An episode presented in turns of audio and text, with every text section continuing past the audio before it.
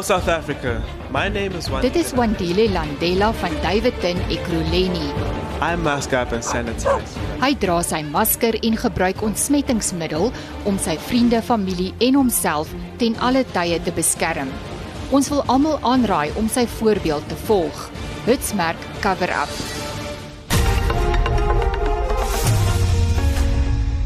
Heinrich, wat sê die koerante? Aneta goeiemôre. Die burger se hoofopskrif: Die lei plundery Zuma se spioene ondersoek en dit word afgewissel op beeld en volksblad.com se voorblaaie. Daar staan plundery JJ spioene ondersoek en al twee of al drie hierdie hoofberigte dit spruit uit die getuienis gister voor die Zondo-kommissie deur president Cyril Ramaphosa. Hy het gesê ondersoek word ingestel na die betrokkeheid by die onlangse onluste van 'n groep spioene wat glo destyds deur die staatsveiligheidsagentskap gewerf is om sy voorganger Jacob Zuma se belange te beskerm. En dan uh, News24 het ook die president se getuienis op hulle tuisblad. Daar staan we were blindsided and we didn't connect the dots. CR finishes 2 days of testimony. En dan is daar ook 'n kommentaarstuk op News24 waar Karen Moon skryf Die president het opgedaag, maar dis min of meer ook al wat hy gedoen het terwyl Kanita Hunter sê dat die president ook van die blame moet dra vir die gemors met ons intelligensie agentskappe. Ook op die burger se voorblad is daar foto's om gees te skep vir môre se stryd in die baie tussen die Springbokke en Argentinië en ook 'n foto en berig oor professor Wim de de Villiers van die US wat studente en personeel aanmoedig om ingeënt te word teen COVID met die lese Nou Jab Nou Joel. In Landbouweekblad se 19 Augustus uitgawe wat nou op die rakkers word berig oor kommer wat opbou oor 'n kos, koskrisis in die naderdraai van die onderste in KwaZulu-Natal en Gauteng en 'n nuwe omvattende reeks artikels oor sonkrag begin ook in hierdie nuutste uitgawe van die Landbou tydskrif.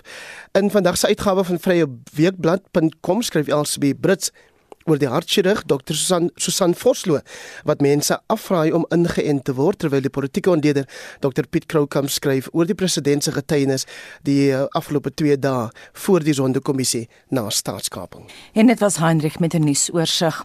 Nuus oor die eerste volstasie in Johannesburg wat 'n dranklisensie gekry het, lok uiteenlopende reaksie uit. Daar is die wat glo dis nie 'n goeie idee nie omdat dit dronk bestuur kan aanmoedig. Nou daar is mense wat die konsep steun omdat hulle meen hulle kan drank op 'n verantwoordelike wyse gebruik. Om 07:30 vanoggend het ons meer hieroor. Intussen wil ons weet, wat dink jy? Moet ons toelaat dat drank by die land se volstasies verkoop word? Gesels gerus saam, stuur vir ons 'n SMS na 45889. Dit kos R1.50 of gaan na Monitor en Spectrum se Facebookblad of WhatsApp vir ons stemnota 0765366961 na 076 536 6961 076 536 6961 Mense het nog tyd tot vandag om kommentaar te lewer op die voorgestelde wysiging aan artikel 25 van die Grondwet. Die wysiging berei die beginsel van onteiening voor sonder vergoeding. Kenners meen dit is noodsaaklik om insette te lewer al kan die meerderheidsparty die wysiging uiteindelik deurvoer. Mitsi van der Merwe het meer. Die projekbestuurder by die Instituut vir Rasseverhoudinge, Terence Corrigan, wat 'n veldtog teen hierdie voorgestelde verandering aan die grondwet stuur, sê dit is baie belangrik dat die publiek insette lewer.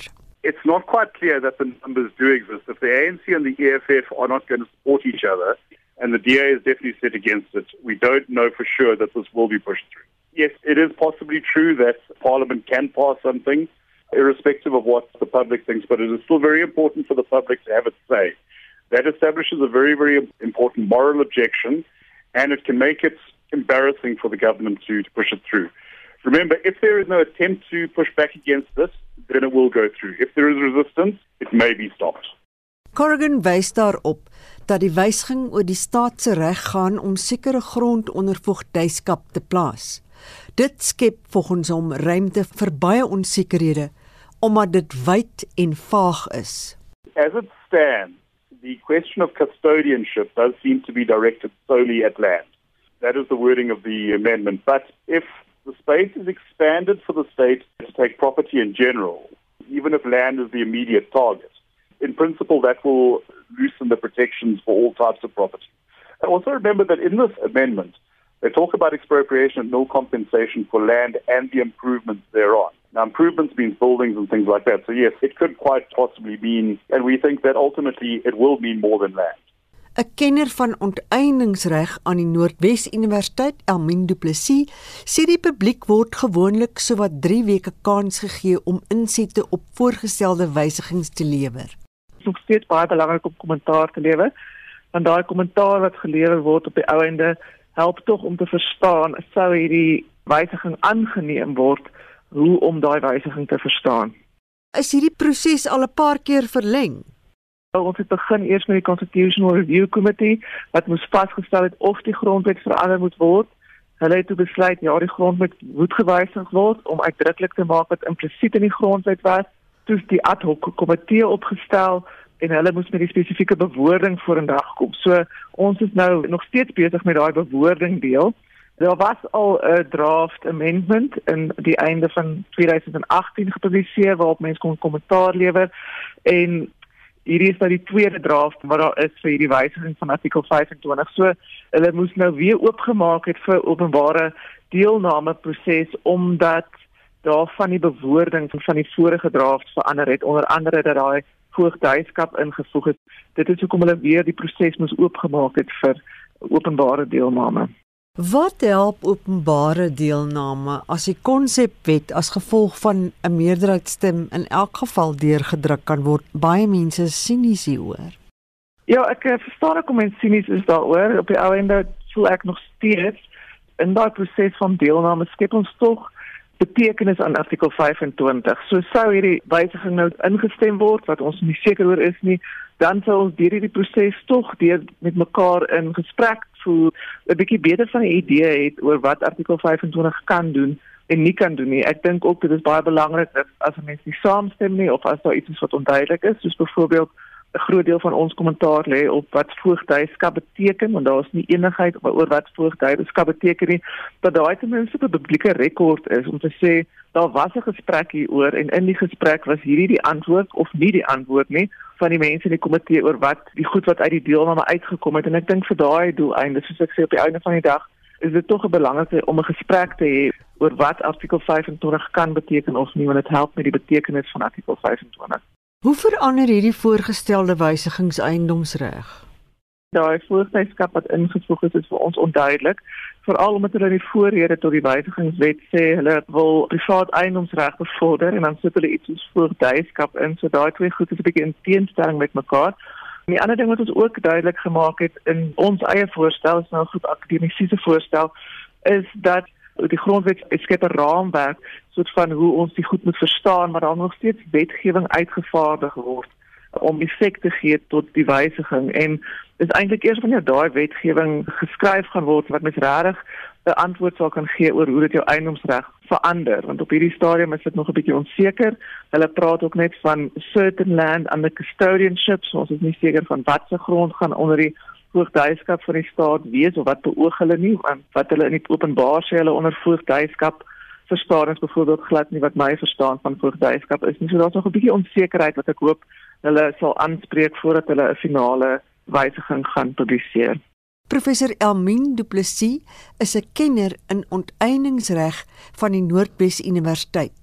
Mitsi van der Merwe, SAK nuus. Die verkiesing van die nuwe spreker van die algemene vergadering sal na verwagting volgende donderdag plaasvind. Die verkiesing is genootsaak na verlede maand se of verlede week se kabinetskommeling. Die ANC caucus het die voormalige minister van verdediging, Nosiviwe Mapisa-Nkakula benoem. Zelin Merrington berig dat ander politieke partye ook 'n kandidaat kan voorstel, maar dat dit tot dusver nie gebeur het nie. Die sekretaris van die nasionale vergadering, Masibulele Kaso, sê die datum sal bevestig word na besprekings met die kantoor van die waarnemende hoofregter wat die voorsittende beampte sal wees oor die verrigtinge. We definitely will. Informally we have been discussing with officials in that office the date. So certainly we will because but we could yes. not confirm anything until yes. this had met and expressed itself. So we yeah. wish to be able to clarify okay. for end of business today. In fact, within the next no, hour. No. Die nuwe spreker sal deur die meerderheidsstemme in die raad bepaal word. In die geval van meer as een nominasie sal stemmery deur geheime stemming plaasvind.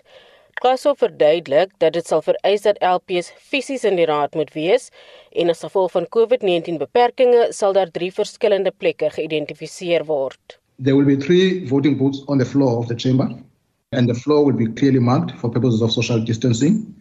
And I think it's important to mention this point honorable members that the ballot paper can only be printed once nominations are made. Hence there will be a delay. For now we're working on 45 minutes previously there were some technical challenges and we are trying to overcome those challenges. With the printing of the ballot papers and the voting process and the counting of the votes, I think you're looking just over two hours. Sommige LPs soos Narend Singh wil weet of die stemmery nie virtueel gedoen kan word nie. One would have thought that we could think a little outside of the box as well as an option. I don't know if it is an option to decentralize the process. It will save a lot of money if you have members of parliament from Durban meeting in Durban, from the KZN region, some meeting in Johannesburg, etc., will that not work? It could still be secret. It could still be transmitted. We, I participated in international conferences recently with secret ballot, and we've been able to vote secretly. Maar Kwasomien gegee die belangrikheid van die verkiesing is virtuele kapasiteit nie getoets hiervoor nie, maar dat hulle die opsie sal ondersoek. Zelene Merrington, parlement. Te midde van eisige weeromstandighede in Gauteng is byna 60 gesinne in Midvaal in Gauteng se toekoms onseker. Nog 30 gesinne se lewens is ontwrig nadat hulle huise verlede week gesloop is. Die eiendomme is op die plaas Elandsfontein naby die Grasmeer tolhek suid van Johannesburg. Die Midvaal munisipaliteit sê die behuisingsontwikkeling is onwettig. This is our homes. We invested a lot. Attending school around here, we are working around here. So where are we supposed to go? I took my last investment. I don't owe anything. I took my money, built a house here. Now tomorrow, where do I take my kids? 'n Desperate noodkreet. Inwoners met verslae gesigte weeg hulle toekoms terwyl hulle hulle huise sien verdwyn. Baie het al hulle beleggings gebruik om hulle droomhuise te bou wat nou boumrommel is, terwyl ander binnekort dieselfde met hulle huise sal sien gebeur. Resident arrived here with the police and lots of lorries. Dinsdag verlede week is hulle wakker gemaak met die geluid van stootskrapers wat hulle huise begin omstoot het. Meer as 30 huise het in die slag gebly. Die munisipaliteit sê hulle teiken leë en half opgerigte strukture, maar een inwoner sê 'n huis is gesloop toe 'n inwoner 'n Spaza winkel besoek het. So we are scared. We don't know what to do. We don't sleep, we don't eat. High bloods are getting there cause this is sick. Die ma sê die Midval plaaslike munisipaliteit het nie die inwoners geraadpleeg nie. The municipality itself, it never came with any notification to anyone here. And when they say they've been telling people, who did they tell? Because like in na personally, I bought here in 2019 and I've been staying here. Nobody ever came and addressed us. So, I mean, in our rightful minds, who would build in an illegal place if you know it's illegal? Maar die Midvaal plaaslike munisipaliteit sê inwoners is met verskeie geleenthede gewaarsku. As ook die ontwikkelaar Nta Property wat gevra is om die bouproses te staak en aan die stadsbeplannings en boubeheer ontwikkelingsproses te voldoen dit het nie gebeur nie. Die burgemeesterskomitee lid vir die ontwikkeling en beplanning, Linda Parsonsen, sê hoewel die ontwikkelaar uiteindelik dokumentasie oorhandig het, is 'n noodsaaklike dokument nie ingesluit nie. One vital document that they didn't submit was proof of ownership of the land. So we sent it all back to say we cannot approve this development until you submit proof of ownership of land. There was no application from municipal services. We checked with Eskom. There's no application for electricity. Die eiendom het geen elektrisiteit of lopende water nie en die inwoners maak op Jojo tank staat vir water toevoer. In sy reaksie het Nta Properties gesê dat alle dokumentasie wel aan die munisipaliteit oorhandig is. Dit sluit in die konsepdeeltitel wat Nta Properties sê bewys dat die grond se eiendom is. Die proses om elektrisiteit geïnstalleer te kry is glo ook aan die gang. Die Gautengse departement van menslike nedersettings sê die grond waaroor die geskil gaan is privaat eiendom. Linda Parsonson van die munisipaliteit sê die oorblywende huise sal ook gesloop word. Maar Nta Property sê hulle het 'n hofbevel gekry wat sal bepaal dat die sloping moet stop.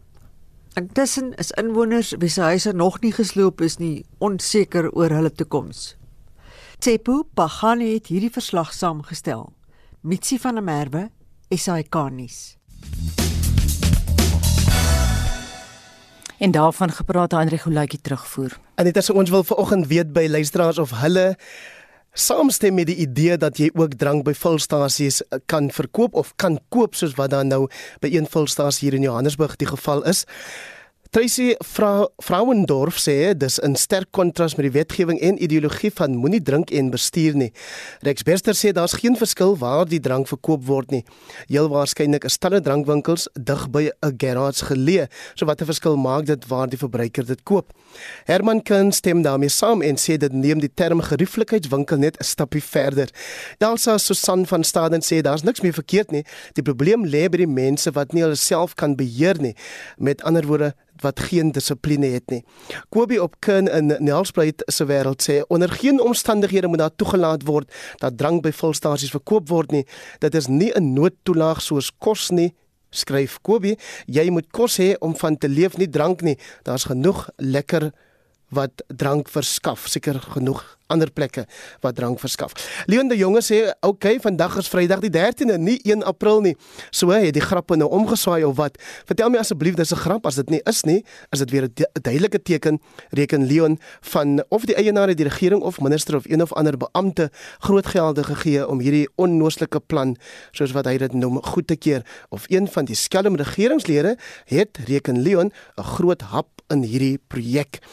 Harold van Kraaienburg sê nou drank drink jy by die drankwinkel as jy drank koop en dan noem hy nou 'n bekende drankwinkel se naam. Ehm um, hy sê ek is seker dit is nie 'n kroeg nie dat dit net 'n drankwinkel is. Jy kan vir ons laat weet of jy 'n glasie klink op hierdie idee van drankverkoop by volstasies of nie.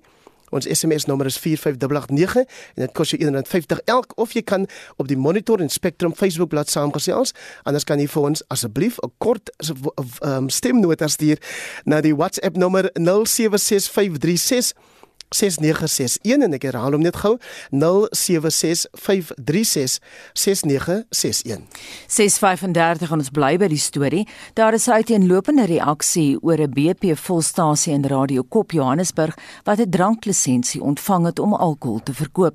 Monitore is na BP se hoofkantoor verwys waar telefoonoproepe egter nie beantwoord is nie. Die direkteur van die Suid-Afrikaanse Mediese Navorsingsraad professor Charles Perry sê intussen dis glad nie 'n goeie idee nie, want baie Suid-Afrikaners misbruik alkohol. Mitsi van der Merwe het meer besonderhede. Dis 'n sakegeleentheid wat baie verbruikers pas. Maar sê Perry dat dit groot bekommernis veroorsaak in die openbare gesondheidsorgveld. We have a huge drinking problem in South Africa. We as nation globally in terms of the amount of alcohol consumed per drinker per day. We have about 6 out of 10 people who do drink engage in binge drinking once a month, and it causes a lot of harm in this country. It's estimated that we could potentially have 170 people per day, every day, dying of alcohol related causes in South Africa. Obviously, many of those are not traumatic. Hy sê 50 tot 70% van trauma gevalle in die land is alkohol verwant. Perry sê verder dat meer as 50% van die bestuurders wat sterf op die land se paaie se alkoholbloedvlak bo 0,5% is. Suid-Afrika se padsterftes is boonop 2 keer meer as die wêreld gemiddeld. So this is problematic for me because it's making alcohol more available in a country where alcohol is already available and it increases the risk of alcohol related road fatality. And for me it sends out the wrong message Perry sê die Suid-Afrikaanse owerheid probeer juis om motoriste te ontmoedig om te drink wanneer hulle bestuur. Die inisiatief van BP sê Perry is nie noodwendig om drank aan bestuurders te verskaf nie. Maar Hy sê die situasie kan verander. Gaan alkohol later by volstasies op nasionale paaie verkoop word? Word die proses met wyn begin en later na bier en ander sterker drank uitgebrei? Kan dit lei tot versoeke dat die winkels later oopgehou word? Sal die gevolg wees dat meer stasies aansoek gaan doen vir dranklisensies? So I think it's a slippery slope in a country we have a lot of alcohol available. We know that alcohol availability leads to problems, as we've seen with COVID 19 when there were full and partial bans on liquor sales. We saw dramatic drops in, on alcohol related trauma, for example. And when alcohol was made more available, things trauma rates and the unnatural deaths rose substantially. Die direkteur van die Suid-Afrikaanse Mediese Navorsingsraad, professor Charles Perry, se vraag is of die betrokke sakeondernemings nie dalk wins bo menselewens en die voordeel van die land plaas nie. Die nasionale koördineerder van die Suid-Afrikaanse Nasionale Raad oor alkohol en dwelmmisbruik, SANKA, Adri Vermeulen, sê die organisasie staan die verantwoordelike gebruik van alkohol voor. Laasweek het ons ook 'n versoek gekry dat daar 'n petisie nou in die omtrek dat mense nou kan teken teen dit. Mm -hmm. So ek dink die gemeenskap is ook besig om teen dit op te staan en hulle het ook hulle bekommernisse. En ek dink van Sanka se kant af is ons ons staan vir verantwoordelike alkoholgebruik, maar ons besef ook die verskriklike skade wat gedoen word deur alkohol en ons sien dit eerstehands wanneer ons kyk na ons opnames waar van ons kliënte het wel 'n probleem met alkohol. Sy sê die feit dat alkohol verban is in die COVID-19 pandemie toon dat daar 'n alkoholprobleem is. Die vrylike beskikbaarheid gaan volgens haar 'n uitdaging wees. Dit gaan nie net oor die verkoop nie, maar die gedrag rondom dit. En natuurlik dan as jy mense het wat dit gaan gebruik naby die petrolstasie of dit naby skole gaan gebeur en of dit regtig gaan kan beheer word deur ons polisie en so aan. Adri Vermeulen was in Namibië toe volstasies daar begin drank verkoop het. Namibië, en dit nog steeds dit. Een uur op 'n Saterdag maak hulle dit toe. Natuurlik is daar regulasies soos wat by ons ook gaan wees in terme van die tye wanneer dit oop en toe gaan wees. Maar dan kry jy net nou 'n klomp alkohol koop net voor toe maak tyd en dan sit hulle daar buite en drink almal. En dan is daar bekleierery wat uitbreek en so aan. So dit is maar die gedrag wat daar rondom gaan wat ek bekommerd oor is. Adri Vermeulen is die nasionale koördineerder van die Nasionale Raad oor Alkohol en Dwelmmisbruik SANKA. Mitsi van der Merwe, SAK nuus. Die Suid-Afrikaanse Agentskap vir Maatskaplike Sekuriteit SASSA sê hy het in minder as 'n week meer as 4 miljoen aansoeke vir die R350 se COVID-toelaag ontvang. Die agentskap sê sy webtuiste kan nie die hoeveelheid aansoeke hanteer nie. Vincent Mofokeng het meer besonderhede. SASSA sê dat meer as 5000 mense per minuut op die webtuiste aansoek doen wat vertragings op die platform veroorsaak. Paseka Letsatsi, SASSA se woordvoerder, sê sedert verlede week Vrydag toe aansoeke oopgemaak is, is meer platforms bygevoeg om by te hou met die vraag na die toelaag. The South African Social Security Agency can confirm that the 350 social grant COVID-19 opened last week on the 6th of August to date, on the 12th, we basically experienced about 5,000 applications per minute. However, we have already received to date 4.5 million applications, of which we are processing. The intention is to make sure that the payment goes through by month end of August. We can, however, mention again that people should not panic because, in actual fact, the application process is opened as well until the end of August 2021. Letsatsi sê mense kan bygestaan word op verskeie platforms. Dit sluit WhatsApp, die GovChat toepassing en Facebook Messenger in. Since the application opened for the COVID-19 SRD grant, we experienced the slow in terms of the systems because we had about 5,000 applicants which were coming through every minute. However, the GovChat came into the picture and we had multiple channels of applications. In this instance, like your WhatsApp, your website, and the GovChat app. which helped in terms of ensuring that the numbers went up. However, we are in a process of making sure that uh, we open another platform, which is the USSD, because the South African Social Security Agency is actually alive to the fact that majority of our applicants do not have access to the smartphones. Dit was Paseka Letsatsi, die woordvoerder van SASSA. Ek Vincent Mufokeng vir SAIK nuus.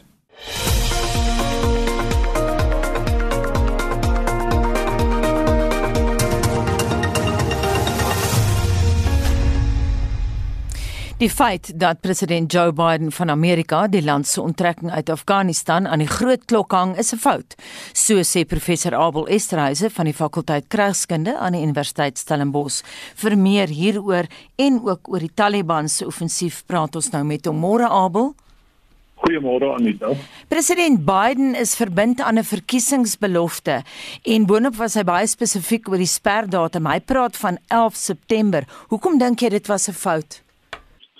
Ja, ehm um, fout is miskien 'n bietjie ongenuanceerd, maar ek ek dink die die probleem wat 'n mens sien uitspeel nou is dat eh uh, Amerika sy opsies in die hantering van die onttrekking baie beperk het deur dit aan 'n baie spesifieke datum te koppel.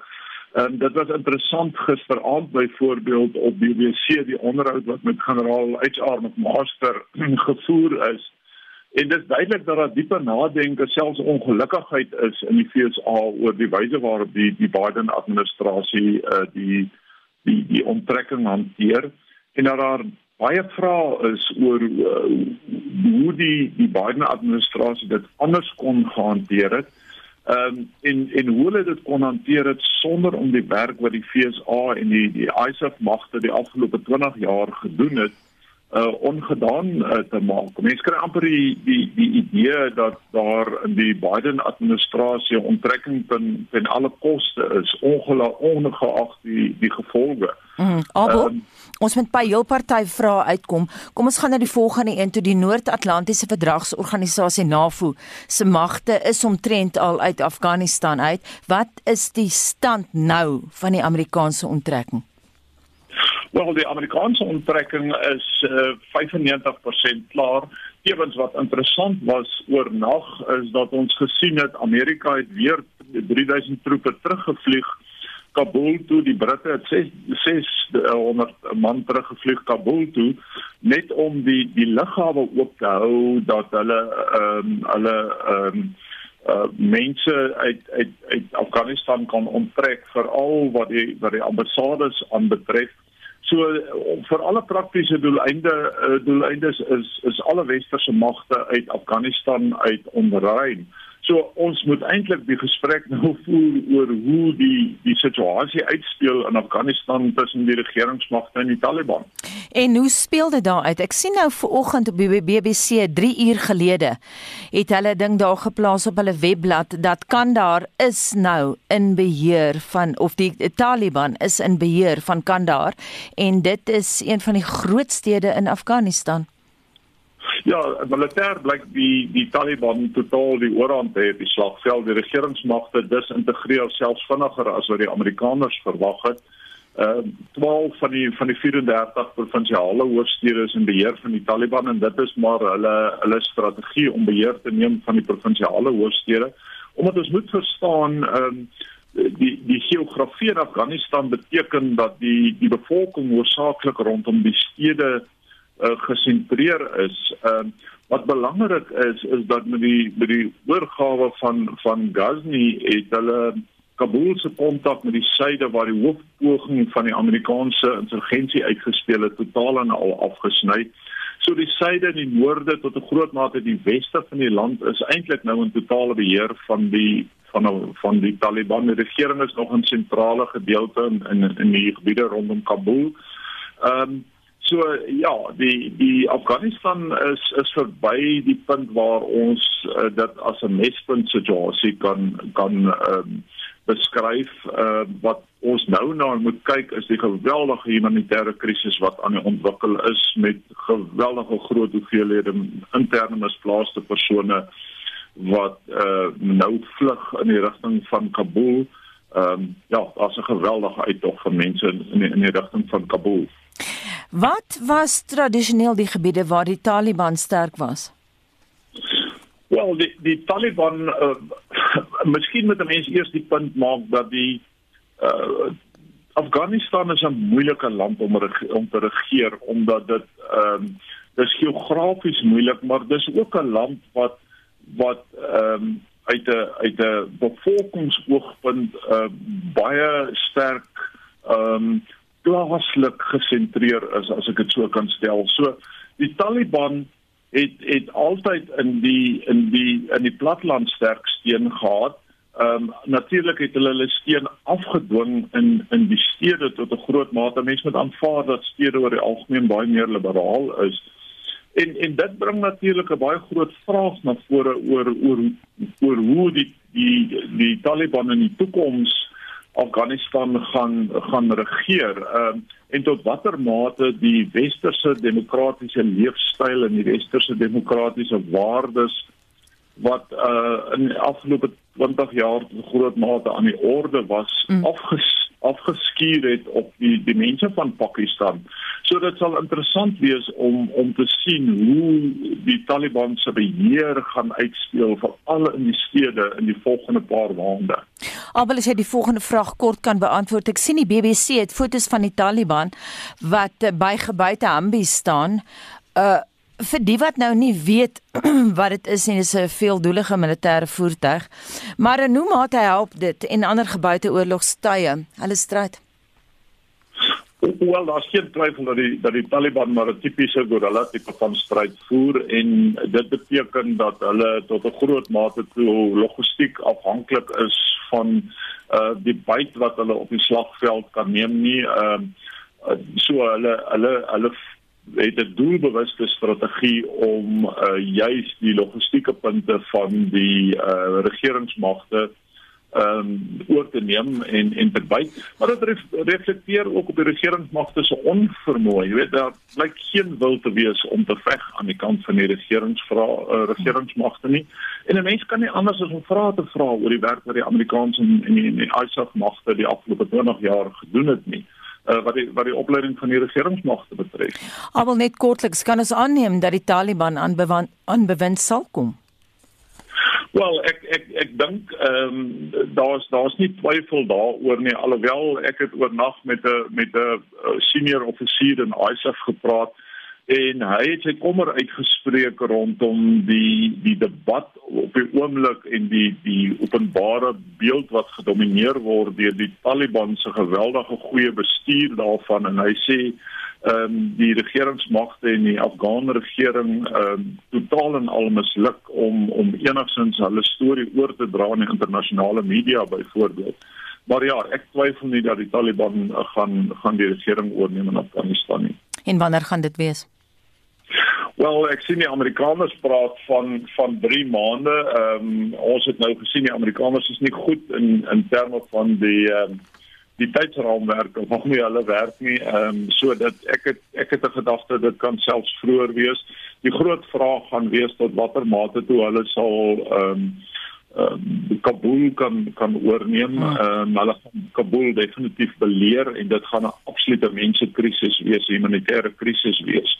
So Kabul dink ek gaan die sleutel wees tot die oorneem van van Afghanistan. Baie dankie en daai mening van professor Abel Esterhuise van die fakulteit Kragskunde aan die Universiteit Stellenbosch en van een oorlog na ander. ISIS het sy modus operandi in Noord-Mosambiek verander sedert die toetrede van Rwanda se weermag sowat 'n maand gelede. So sê die ontleder Willem Els van die Instituut vir Sekuriteitsstudies in Pretoria en ons praat dan vanoggend met hom. Môre Willem. Goeiemôre Anita. Hoe lyk ISIS se veranderende modus operandi?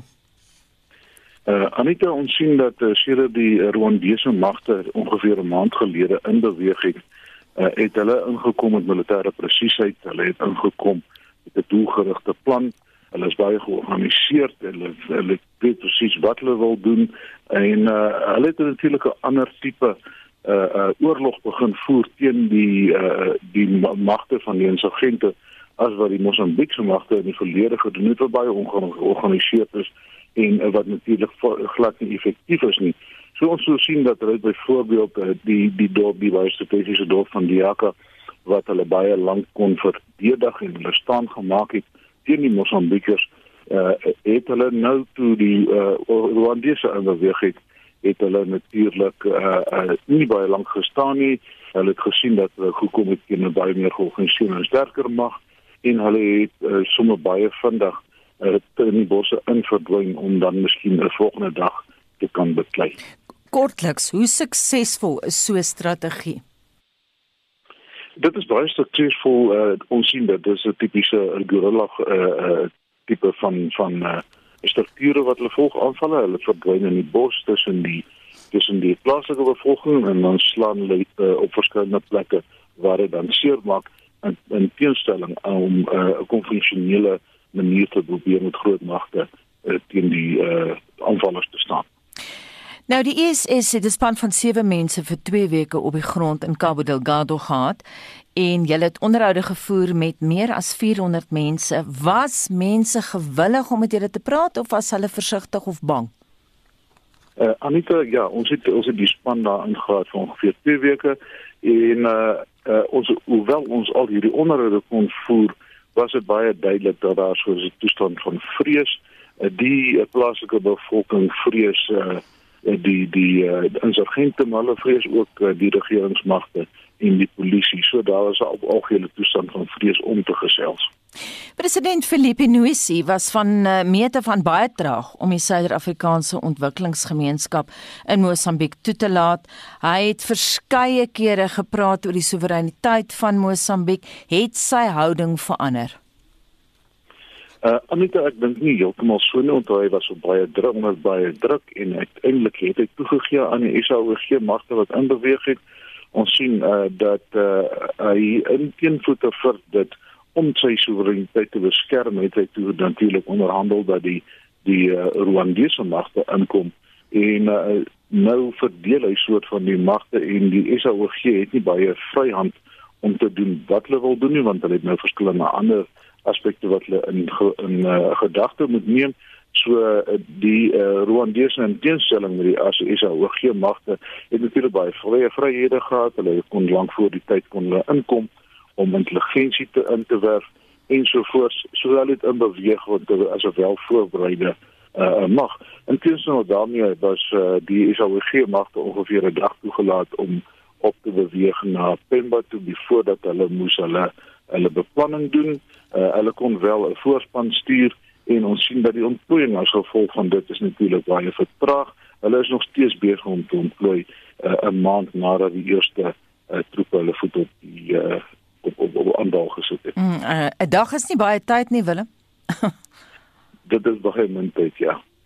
Ek hoor die Mosambiekse troepe word deur die SADC magte op 'n afstand gehou. Sou mense dit kan beskou as gebrek aan vertroue? Ek dink daar is 'n gebrek aan vertroue. Uh, ons sien dat die Mosambiekse troepe het, het, het reeds 4 jaar lank het hulle die die gevegte daarso gelei en uh, daar is nie baie goeie vertroue in hulle vermoë nie. Uh, daar is ook indikasies dat hulle intelligensie uh uh, uh intelligensie nie baie intelligensie nie baie goed is nie. Die uh, intelligensie en teenstelling van die insurgente is baie goed. Dit lyk of hulle al die pad een stap voor die Mosambiekse magte was as 'n aangesien hulle altyd geweet het wat hulle gaan doen en hoe hulle dit gaan doen. So dit bring natuurlik tot vertrouensprobleme tussen die magte. Ons sien dat die Rwandese uh hoewel hulle met hulle saamwerk, uh kry hulle hulle eie intelligensie, hulle doen hulle eie ding. Hulle werk saam met die Mosambiekse magte, maar hulle hou hulle op maar op armlengte en doen dit dan self en dan kom die Mosambiekers uit. Ek wil net kyk na die ekonomiese effek van hierdie de facto oorlog. Hoeveel skade ly Mosambiek, die streek en Suid-Afrika? Uh, die impak is ongelooflik. Uh dan daar is 'n investering van van ongeveer 30 miljard dollar wat wat natuurlik nou uh, op op op uh, hou geplaas is, op die ys geplaas is. En uh, en uh, tesame met dit onthou om daai infrastruktuur daar te plaas word daar gebruik gemaak van plaaslike en ook van die streek se se ekspertise sodat baie maatskappye wat uh, wat natuurlik uh, tegnisië so stuur om te help daar daar is uh, op 'n plaaslike is al ook baie van die mense wat natuurlik werk gekry het wat uh, wat nou nie meer die werk het nie. So dit is 'n groot uh, impak. Ons sien dat die die die gas behoort eers so 10 tot 15 jaar, 10 tot 14 jaar nadat hulle begin met die ontgang gaan daai geld eintlik begin terugkom na Mosambiek se koffers toe omdat die skuld eers moet afbetaal word. So hoe langer hierdie ding uitgestel word, hoe langer uh, is daar 'n impak op die op die streek hoe langer wag die streek en Mosambiek dan vir hierdie finansiële inspuiting wat natuurlik dan gepaard sal gaan met tradisionele investing en ook natuurlik uit in werkskeping en dit wat daarmee gaan. Willem net 'n laaste vraag gekort antwoord ja of nee. Ek het ook gelees dat mense op grondvlak in Cabo Delgado meer vrees het vir die Mosambiekse troepe as vir ISIS. Is dit waar? Uh Anita, ja, met ons uh, ons uh, uh onderhoude wat daar wat wat gevoer is, ons kan nou wel klaar daarvan praat dat verskeie van die wat ons reeds deur gegaan het, is daar wel 'n indikasie dat daai vrees bestaan en dat uh, dit baie ongelukkig is. Baie dankie en so sê Willem Els van die Instituut vir Sekuriteitsstudies in Pretoria, Heinrich. So ons wil weet of jy saamstem met die idee dat 'n mens ook 'n uh, drank by volstasies kan koop, soos wat daar nou by een hier in Johannesburg die geval is. Maurice Holzhausen sê 'n persoon gaan eers volstasie toe om op te vul en dan drankwinkel toe om verder op te vul of andersom. Geen verskil, mense moet net verantwoordelik wees en die wet gehoorsaam. Dit is in elk geval 'n vrye ekonomie. En dan Johan Meiburg wat sê is daar nie in elk geval wetgewing wat die verkoopstye van alkohol bepaal nie. Indien wel, wat maak dit dan wat maak dit dan saak of jy dit daar koop en of jy dit by die drankwinkel letterlik oor kan die straat koop. Jy gaan in elk geval jou stert afbetaal by 'n volstasie. En dan 'n paar SMS'e. Ek dink verkoop die verkoop van drank waar jy wil met die nodige lisensie sal ehm um, nie 'n probleem wees nie. In Riebeek Kasteel sit die hotel en die kerk langs mekaar met geen gevolge nie. Dis Samuel Walters daar van Gouda wat so skryf. En dan Bennett Middelburg wat sê meeste Suid-Afrikaners suip soos visse. So dis belaglik dat so iets toegelaat word. Estel skool sê drank sal mense koop, maak nie saak waar nie. Bly by RSG want as jy wil weet wat is 'n snow chaser, dan moet jy luister na ons onderhoud later in Monitor met Richard Leseur van die Snow Report SA en hy sal vir jou presies vertel wat snow chasers is. Dis 'n totale nuwe konsep en 'n baie interessante een en dit bring ons by 7 uur.